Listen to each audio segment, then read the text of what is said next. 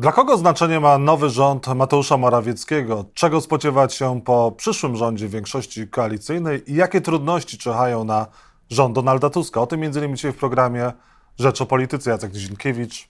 Zapraszam. A Państwa moim gościem jest profesor Antoni Dudek, politolog, historyk UKSW. Dzień dobry, panie profesorze. Dzień dobry panu, dzień dobry państwu. Czy rząd Mateusza Morawieckiego ma znaczenie? Wie pan, no, ma znaczenie dla y, pewnych operacji sprzątania po, po ośmioletnich rządach PiSu. Myślę, że tam za kulisami y, trwają różne, różne prace, o których się być może czegoś dowiemy, a być może nie w przyszłości, jak już na nowy rząd się pojawi. Y, to na pewno. Zapewne w intencji architekta tego 14-dniowego rządu, czyli prezesa Kaczyńskiego, on ma budować legendę rządu obalonego przez ruską agenturę, tak jak niegdyś rząd Olszewskiego miał być obalony przez y, agenturę komunistyczną. Y, stąd ta cała historia z raportem Roskomisji, prawda, który ma być fundamentem, że tu proszę bardzo, e, posłowie, e, którzy mieli szansę przejrzeć na oczy i przeczytać ten raport, wstrząsnąć się tym, że za chwilę euh, Tusk, który już Rosjanom pomagał, prawda, czego dowodem ma być ten raport, teraz wraca do władzy, więc oni mogą się opamiętać i w ostatniej chwili przerzucić głosy na rząd Morawieckiego. A ponieważ tego nie zrobili, no znaczy, że, e, że, że są zagenturyzowani, mniej więcej to, to jest taka legenda. A, a tak gdyby nie było, prawda, tego rządu, nie mieliby szansy przejrzeć na oczy to w takiej narracji prezesa Kaczyńskiego. E, więc, więc wie pan, temu na pewno ma służyć. No być może są jeszcze jakieś inne powody. Na pewno niektórzy mówią, że jest grupa ludzi, która będzie miała już w życiorysie, że była ministrem, prawda, i wprawdzie trwało to 14 dni, ale będą tam wnukom opowiadać, że dziadek czy babcia byli ministrem, więc być może też taki wymiar biograficzny to ma, no ale, ale mówiąc poważnie, oczywiście istotnego znaczenia politycznego to mieć nie będzie, aczkolwiek w podręcznikach historii tych bardziej szczegółowych będzie jeden króciutki akapicik, że była taka epizodyczna historia trzeciego rządu Morawieckiego. Ile by pan poświęcił we wznowieniu swojej książki historii najnowszej rządowi nowemu Morawieckiemu? Jeden króciutki akapicik? Tyle, tak, tyle poświęcę, tylko że już nie w tym wydaniu, które się ukazuje teraz w grudniu, bo ono się kończy na wynikach wyborów i powołaniu kordonowej koalicji, natomiast już nie, nie umawiam tam, bo już nie zdążyłem dopisać tego, bo, bo to było niewykonalne technicznie. E, natomiast e, to nie jest rzecz ważna, no, to nie jest rzecz ważna, e, bo, bo jak padam ona z punktu widzenia historii politycznej Polski, wie pan, no, w podręcznikach drugiej RP, tych bardziej dokładnych pan znajdzie, był rząd Artura Śliwińskiego, który też trwał kilkanaście dni, i się zderzył tam z oporem w Sejmie i upadł i wie pan, i mało kto pamięta, w ogóle był jakiś taki premier, no Morawiecki będzie pamiętany, ale to nie, nie z powodu swojego trzeciego rządu, tylko tego, że był znacznie więcej lat premierem, natomiast o tym jego trzecim rządzie będą naprawdę już pamiętali tylko tacy najwięksi koneserzy historii trzeciej RP. A nie szkoda czasu, bo przecież minie dwa miesiące po wyborach od tego, jak powstanie prawdziwy rząd. Wie pan, no pewnie szkoda czasu, ale konstytucja nam daje takie możliwości. To akurat nie PiS wymyślił te zapisy konstytucyjne, e, tylko autorzy konstytucji, którzy do, e, też prawdopodobnie pewnie nie brali pod uwagę takiej sytuacji, chociaż powinni, że będzie największa partia w Sejmie, która będzie miała swojego prezydenta, a nie będzie w stanie stworzyć większości. To jest bardzo nietypowa sytuacja, ale ona się przydarzyła i wtedy się nagle okazuje, że jak prezydent ma aż miesiąc na zwołanie Sejmu po wyborach, to wykorzystał i później mamy te kolejne dwutygodniowe terminy, to się dwa miesiące uzbierają, ale to nie zmienia faktu, że ten proces się kończy powoli i że w przyszłym tygodniu będziemy mieli już nowy rząd, który przetrwa. No pytanie, jak długo? Na pewno dłużej niż dwa tygodnie. Jeszcze ten rząd nie powstał, a już większość e, parlamentarna ma problemy. Czy sprawa wiatraków to rzeczywiście jest taki problem, który może rozwiać ten rząd Donalda Tuska, który jeszcze nie powstał, a przynajmniej rozwiać o Paulinę Henning-Kloskę, która jest kandydatką e, Polski 2050 na minister klimatu.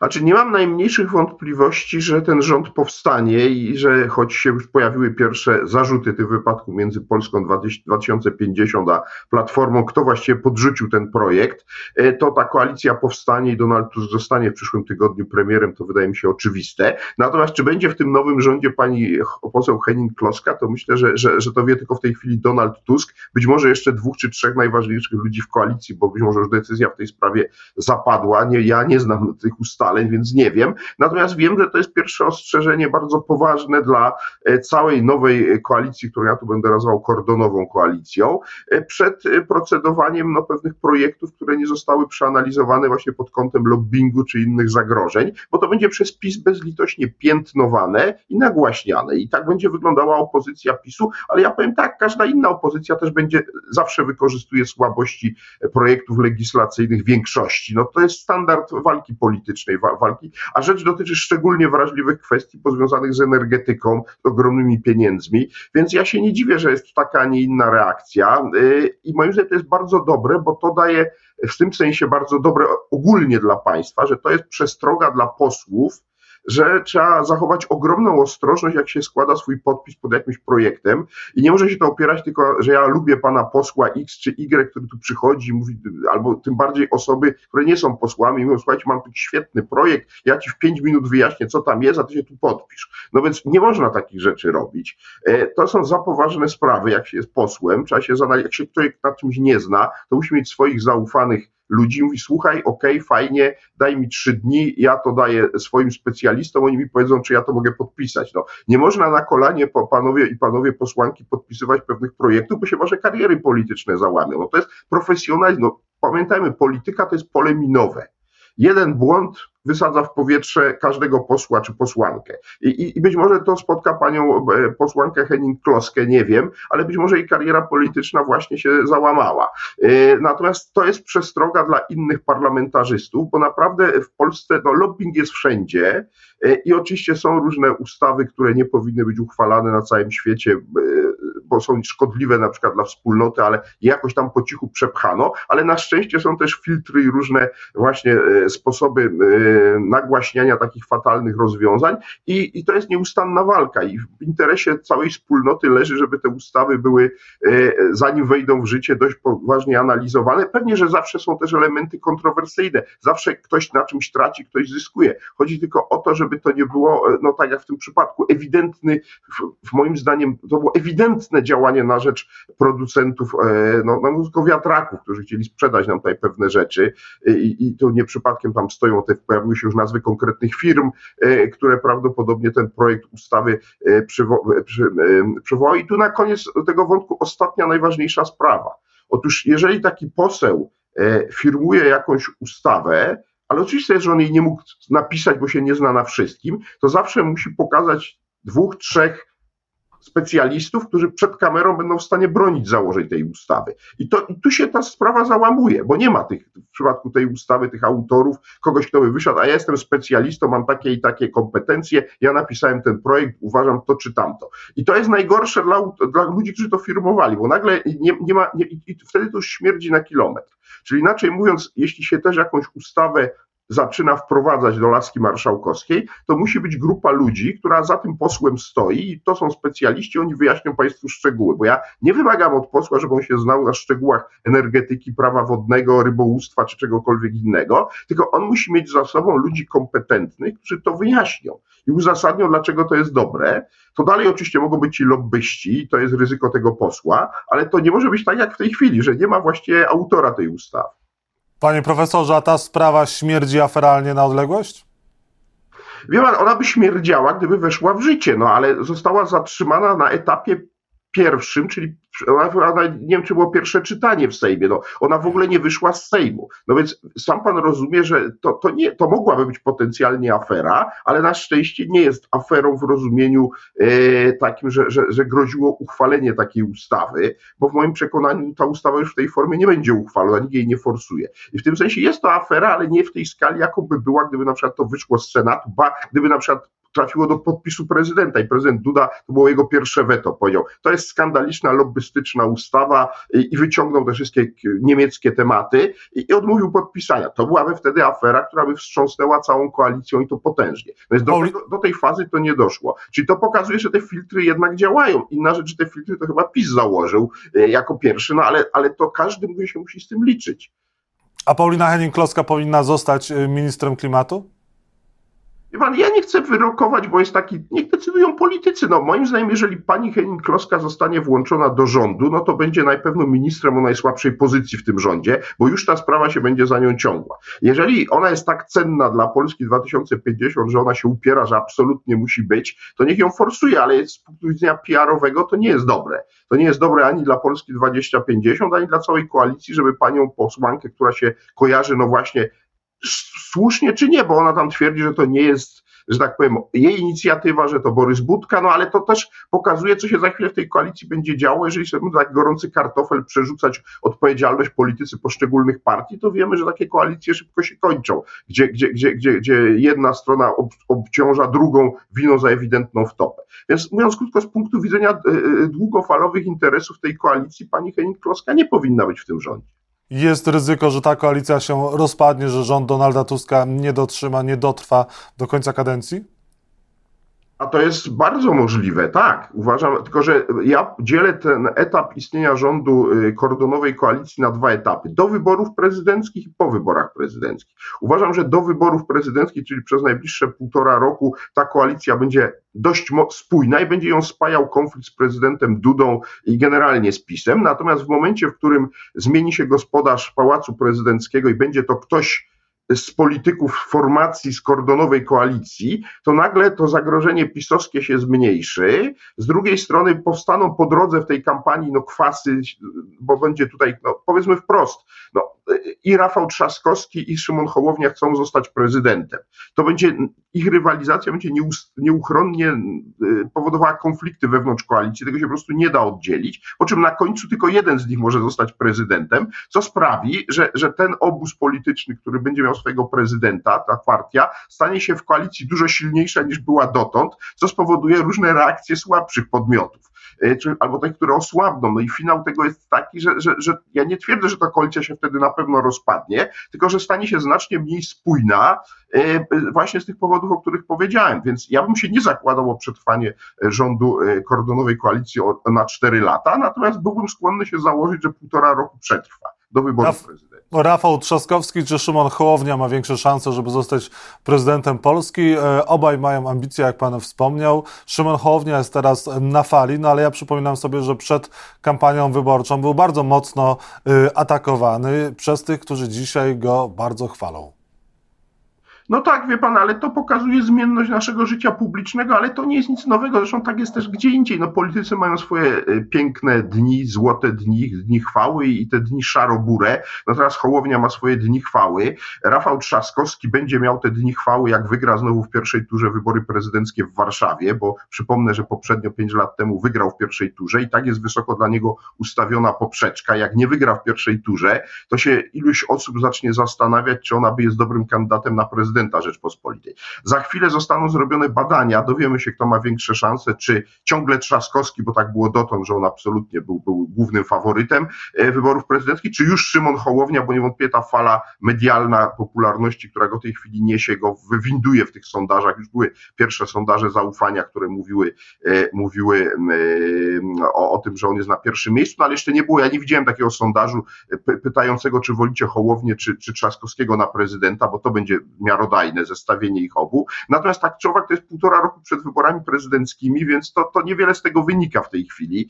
Istotne będą te sondaże, które będą robione wiosną 25 roku, a do tego czasu się jeszcze wiele wydarzy y, i, i w biografii no, Trzaskowskiego i w biografii Hołowni, bo Trzaskowski, jak powiedziałem przed chwilą, czeka go najpierw kampania na prezydenta Warszawy, bo już zapowiedział, że będzie się ubiegał i, i wybory y, wiosną przyszłego roku, a z kolei Hołownię czeka coraz trudniejsze posiedzenia Sejmu, dlatego że to na tym pierwszym sobie świetnie poradził, wszystkim się to spodobało, ale zapewniam, co mnie nie cieszy, mówię to bez, bez, bez entuzjazmu, ale kolejne posiedzenia będą coraz trudniejsze, bo tam będą coraz większe awantury i nie wiem, jak długo Hołowni y, starczy tej cierpliwości, takiej finezji w prowadzeniu tych obrad, bo y, na którymś etapie to może już nie wystarczyć, tam trzeba będzie bardziej radykalnych środków używać, żeby y, skłóconych posłów przywoływać do porządku. Panie profesorze, a jeżeli chodzi o przywoływanie do porządku, to y, przedstawiciele komisji rozwiązany już Lex Tusk powiedzieli, że Donald Tusk nie powinien zostać y, być w rządzie, podobnie jak kilka innych osób y, z Platformy Obywatelskiej, innymi Bartłomiej Sienkiewicz. To może mieć jakieś znaczenie dla pana prezydenta? No i na ile wiarygodne są te opinie raportu cząstkowego przedstawicieli y, komisji Lex Tusk? Znaczy, sądząc po wypowiedziach ludzi z otoczenia pana prezydenta, łącznie z ministrem Mastalerkiem, prezydent nie, nie, nie zamierza, powołując się na raport, odmówić powołania Donalda Tuska na premiera i, i podobnie chyba w przypadku innych osób tam wymienionych w przypadku stanowisk ministerialnych, czyli Siemoniaka i, i e, Sienkiewicza. No i nie kryję, że mnie to cieszy, bo mielibyśmy gigantyczny kryzys konstytucyjny już na samym starcie koabitacji, ponieważ konstytucja nie daje prezydentowi takiej możliwości e, w drugim kroku konstytucyjnym, że odmówi zaprzysiężenia, e, ale pamiętajmy, że mieliśmy już w przeszłości taki precedens, choć jeszcze nie na gruncie tej konstytucji, ale przypomnę w 93, e, właściwie w 90, tak, w 94, przepraszam, roku e, prezydent Wałęsa odmówił przy nominacji dla Dariusza Rosatiego na ministra finansów i wicepremiera w rządzie Pawlaka, ponieważ stwierdził, że Rosati był w Radzie Nadzorczej FOZU, jest uwikłany w afery on go nie powoła i, i, i koniec. Mimo, że konstytucja nie dawała mu takiej, takiej możliwości, możliwości odmówienia e, ministra, za którym stała większość sejmowa, ale on odmówił i większość sejmowa nie ośmieliła się stawiać e, prezydenta przed Trybunałem Stanu za to. No ale powiedzmy, że to była inna konstytucja i przede wszystkim no Lech Wałęsa był inną postacią niż e, Andrzej Duda, więc myślę, że Andrzej Duda jednak czegoś takiego nie zrobi. Bo jak mówię, mielibyśmy gigantyczny kryzys konstytucyjny.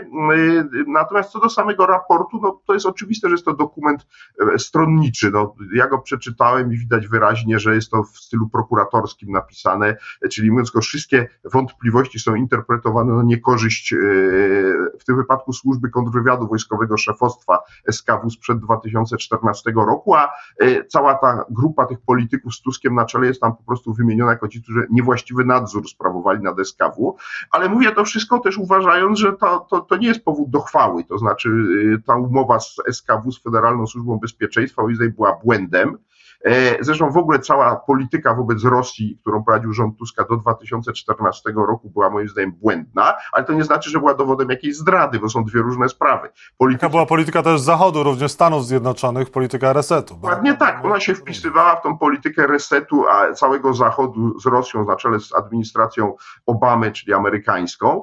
No ale można powiedzieć, że Polacy, y, Polacy powinni być tu być ostrożniejsi i ja rozumiem, że myśmy nie mogli odwrócić, przekonać Amerykanów do tego, że ta polityka jest błędna, ale akurat tej konkretnej umowy można było nie podpisywać. Moim Przypomnijmy, zdaniem. że również Jarosław Kaczyński w swoim expose liczył na, na dobre relacje z wschodnim sąsiadem, czyli z Rosją.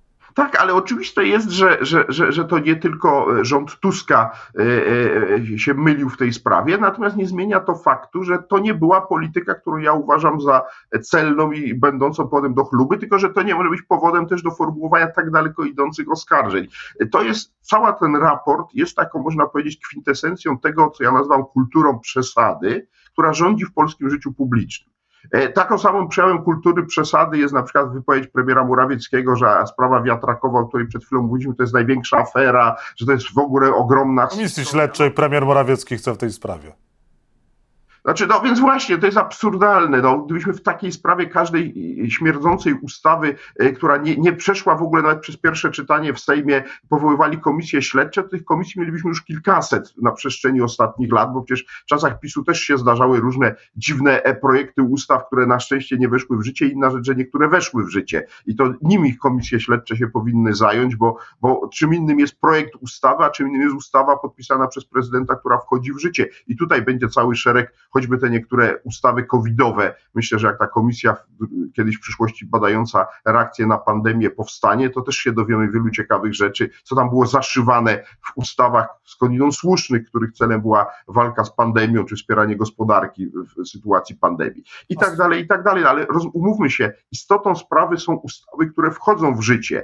One są czymś, czym się powinny zajmować komisje śledcze, prokuratura, a nie projekty, których nieustannie krążą różne lobbystyczne projekty i bardzo słusznie, że one są eliminowane na etapie wczesnych prac parlamentarnych, natomiast no, to nie jest jeszcze afera. Afera jest wtedy, kiedy doszło do nadużyć, strat finansowych czy jakichś szkód dla państwa. W przypadku afery, tak zwanej afery wiatrakowej takich szkód nie ma. One potencjalnie być mogły, ale ich nie będzie.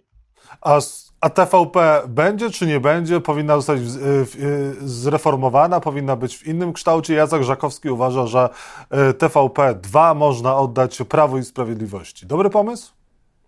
Wie pan, ja myślę, że Jacek Żakowski ma intencję, która mnie też jest bliska, a mianowicie taka, żeby TVP była pluralistyczna politycznie bo jest w istocie czy wspólnym dobrem całego państwa, czy całego e, społeczeństwa polskiego, które jest podzielone politycznie. Rzecz w tym, że dotąd się nie udało politykom wymyślić mechanizmu, który by gwarantował istnienie tego pluralizmu wewnątrz TVP, a w czasach rządów PiSu mieliśmy dokładnie, można powiedzieć, odwrotnie. Nigdy wcześniej e, nie było aż tak skrajnie jednostronnej telewizji, jak w przypadku TVP Info czy, czy, czy programów informacyjnych w TVP. I teraz pozostaje pytanie, czy nowa większość, która niewątpliwie znajdzie e, sposób prawny na obejście Rady Mediów Narodowych, choć prawnicy pewnie się będą spierać o to, e, czy to jest zgodne z prawem i będziemy mieli gigantyczną za chwilę awanturę prawną wokół sposobu przejęcia TVP przez, przez nowe władze, ale jest pytanie, czy te nowe władze uznają, że teraz to już trzeba właśnie e, znowu wajchę przewrócić o 180 stopni w drugą stronę,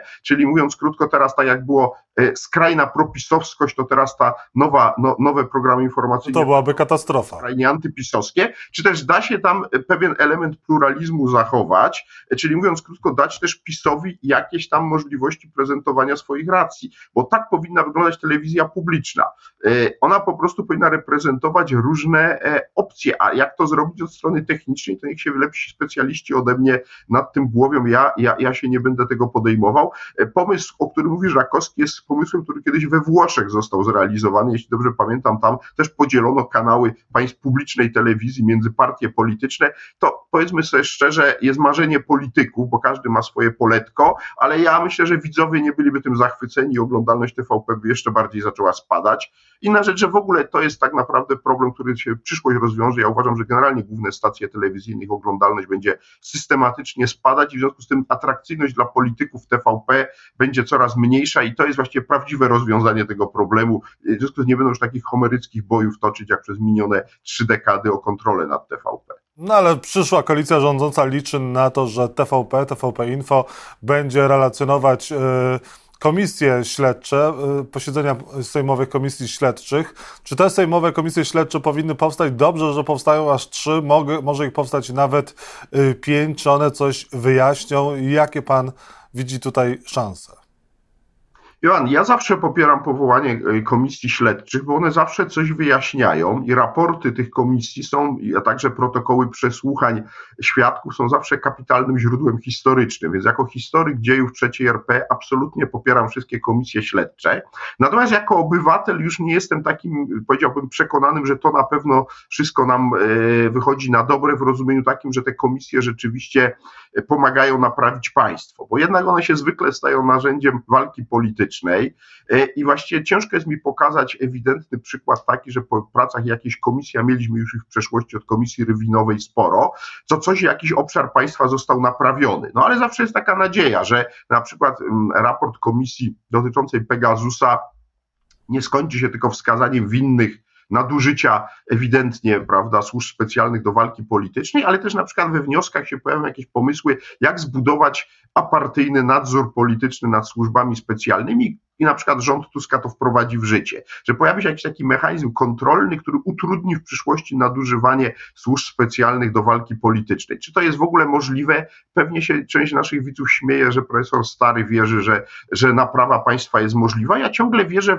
że w ograniczonym zakresie jest możliwa. Czyli jeżeli ta komisja nie tylko określi odpowiedzialność konkretnych ludzi z aparatu władzy PiSu za nadużycie Pegasusem, ale wymyśli też jakieś mechanizmy realnej kontroli nad służbami specjalnymi, żeby tego typu rzeczy się tam nie zdarzały, to być może to będzie krok w dobrym kierunku. Ale jak mówię, to wymaga nie tylko dobrej pracy komisji, ale też później y, nie, nie, nie zakończenia jakby w dniu, w którym komisja ogłasza raport, uderzamy to, ten cios w tych naszych przeciwników i później już zapominamy, że ten raport był e, i my się nie interesujemy. Ja tu podam jeden przykład. No, mieliśmy komisję w sprawie Amber Gold, e, która była ewidentnie PiS próbował pogrążyć platformę, ale mnie interesuje inny aspekt. Czy w związku z sprawą Amber Gold wprowadzono jakieś nowe uregulowania utrudniające powstawanie piramid finansowych?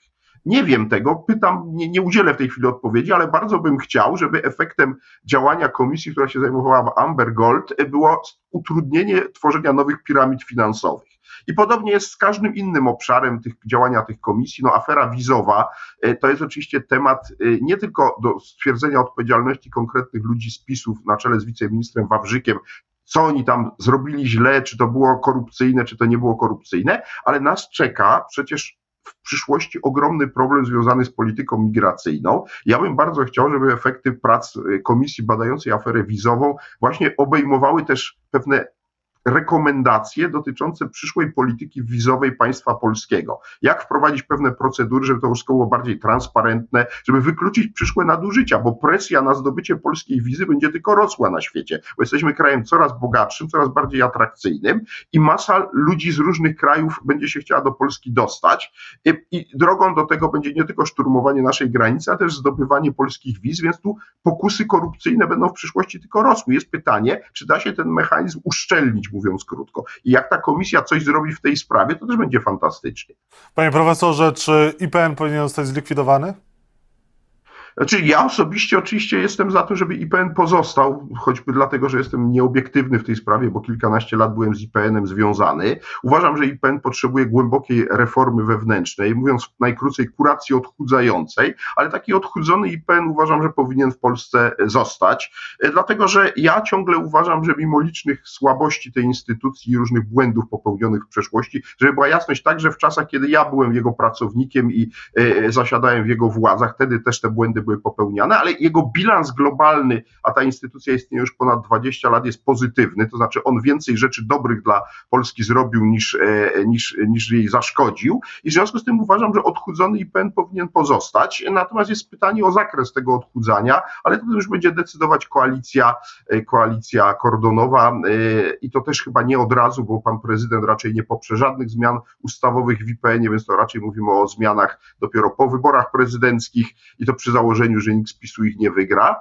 bo raczej wtedy PiS będzie bronił IPN-u w dotychczasowej postaci. IPN czeka za to co innego, znaczy najpierw nastąpi najprawdopodobniej radykalne obcięcie budżetu i to już na przyszły rok i to sprawi, że IPN i tak się zacznie odchudzać, nawet jeśli nie będzie ustawowo odchudzany, to będzie e, e, metodą właśnie e, obcinania finansów odchudzany. No i tutaj bardzo jestem ciekaw, jak nowy prezes będzie ciął te wydatki, czyim kosztem się te, to, to, to odchudzanie finansowe IPN-u odbędzie, bo w IPN-ie ciągle moim zdaniem zostało sporo sporo na przykład bardzo dobrych historyków i nie chciałbym, żeby to oni byli pierwszymi ofiarami tej, e, tej kuracji odchudzającej, a na przykład e, zostali tam prokuratorzy, którzy są w moim przekonaniu e, grupą do natychmiastowego zlikwidowania, czego niestety z przyczyn prawnych się nie da zrobić, natomiast opowieści, że ta prokuratura IPN-u coś robi, tych stu prokuratorów, to moim zdaniem są niepoważne i mnie kompletnie nie przekonują.